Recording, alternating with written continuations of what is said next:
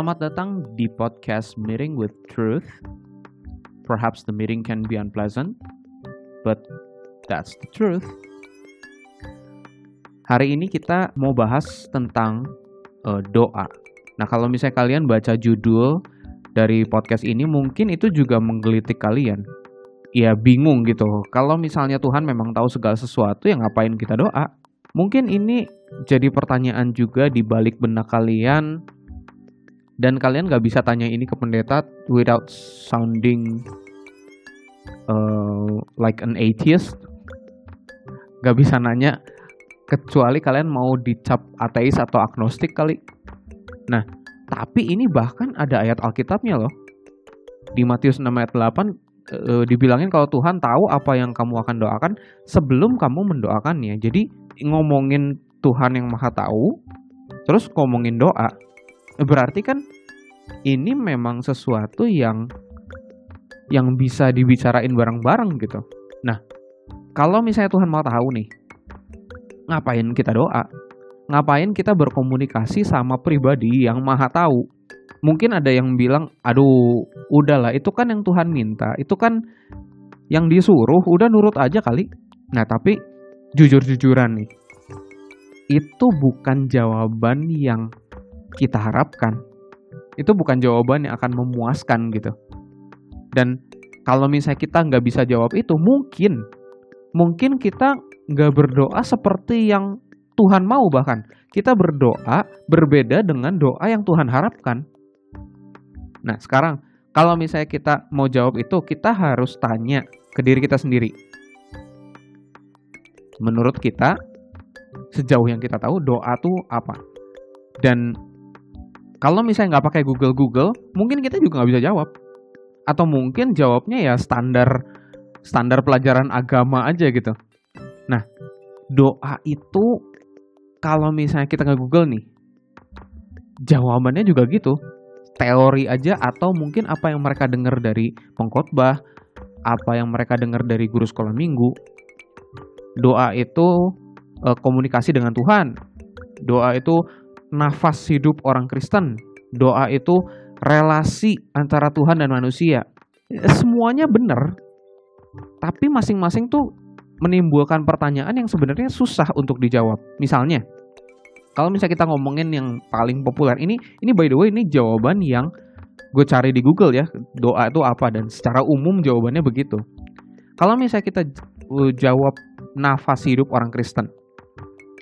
Nafas hidup orang Kristen berarti itu adalah gambaran sesuatu yang seharusnya alami orang Kristen lakukan. Alami orang Kristen inginkan.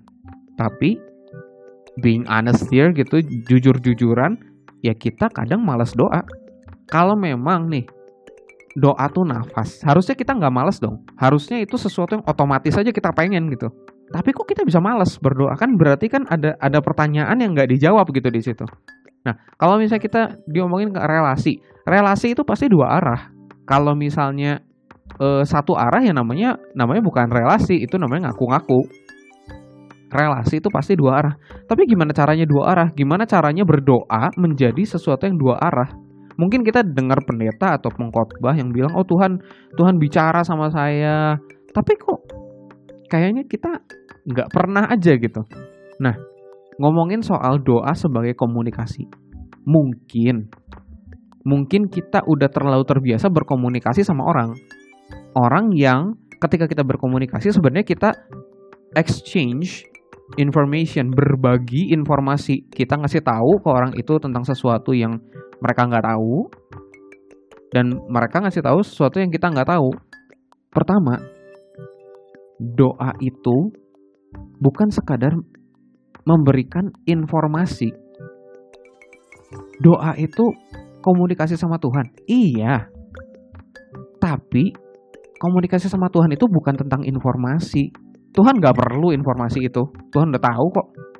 Itu yang diomongin di Matius 6 ayat 8. Tuhan tuh maha tahu tapi sering kali waktu kita doa, kita berpikir kalau kita tuh ngasih tahu Tuhan, Tuhan, ini loh yang gue pengen. Tuhan, ini loh yang gue perluin. Tuhan, ini loh the desire of my heart. Dan ketika kita berdoa seperti itu, kita berarti berdoa bukan seperti yang Tuhan mau.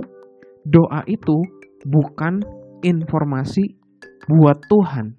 Dan di kepala kita nih, sering kali doa di mata kita yang dijawab oleh Tuhan adalah doa yang dijawab iya sama Tuhan. Jadi kalau misalnya ada doa yang dijawab enggak, kita kita nyebut itu sebagai unanswered prayer atau doa yang nggak dijawab. Doa yang dijawab di mata kita, di pikiran kita, ketika kita doa adalah doa yang dijawab iya sama Tuhan.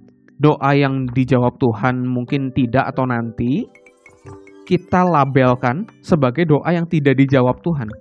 Guys, doa tuh sama Tuhan, bukan sama pembantu. Jadi doa yang dijawab Tuhan sebenarnya juga adalah doa yang tidak dikabulkan. Jadi kita berdoa bukan supaya dikabulkan. Lah terus ngapain kita doa? Doa itu apa? Inilah kebenarannya. This is the truth. Kalau doa itu adalah cara kita menyerahkan diri sama Tuhan.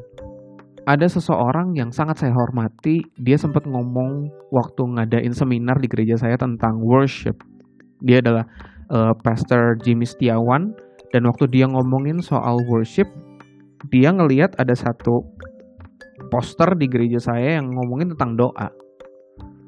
Terus jokingly dia uh, nunjuk ke poster itu dan ngeganti kata prayer jadi worship. Terus uh, dia ganti pokoknya ini quotes dari siapa gitu. Uh, nah ini harusnya diganti nih jadi Jimmy Setiawan kalau diganti jadi worship gitu. Doa dan worship dan penyembahan itu punya prinsip yang sama teman-teman. Kenapa? Karena dua-duanya adalah cara kita berelasi sama Tuhan. Dan relasi sama Tuhan, entah itu prayer, entah itu worship, adalah bentuk penyerahan diri kita dalam semua aspek kehidupan kita sama Tuhan. Itu kan intinya worship. Worship is not uh, lagu cepat, lagu lambat gitu di di gereja, tapi worship is a way of life offering our life with all of our aspects to the Lord menyerahkan diri kita sama Tuhan. Nah, sama doa juga gitu. Doa adalah cara kita menyerahkan diri sama Tuhan. Maksudnya gini, kalau misalnya kita lihat di Getsemani, gimana Tuhan Yesus berdoa ini Tuhan Yesus yang berdoa dan dicat gitu. Yesus bilang gimana sih? Tuhan, gue gak mau, gue gak mau salib. Kalau bisa nih jangan, tapi I surrender jadilah kehendakmu Bapa. Dia tuh kayak bilang, Bapak ini yang aku mau, tapi aku menyerahkan keinginanku ini sama Tuhan, sama Bapak. Doa adalah menyerahkan diri kita, keinginan kita, hasrat kita, cita-cita kita, bahkan dosa kita ke Tuhan. Bukan tentang ngasih tahu ke Tuhan, Tuhan ini yang gue mau loh. No. Tapi kayak ngomong Tuhan, ini yang aku mau, aku serahkan sama Tuhan, terserah Tuhan mau apain. Tuhan, aku sedih, ini kesedihanku, I give it up as an offering to you. Doa seharusnya jadi bentuk kita berserah, bukan memerintah. Doa seharusnya adalah bentuk kita berserah dan bukan memerintah. Dan ini sebenarnya sangat erat kaitannya sama sama spiritual life, sama kehidupan rohani kita gitu. Dan gue uh, gue akan bahas itu di episode ketiga nanti. Uh, episode kedua gue pengen bahas tentang Avengers Infinity War. Uh, sesuatu yang dari lama gue pengen gue pengen bahas karena that's a good movie. I love it very much dan ada kebenaran di balik film itu. So, uh, see you next episode. Perhaps the truth can be unpleasant, but that's the truth.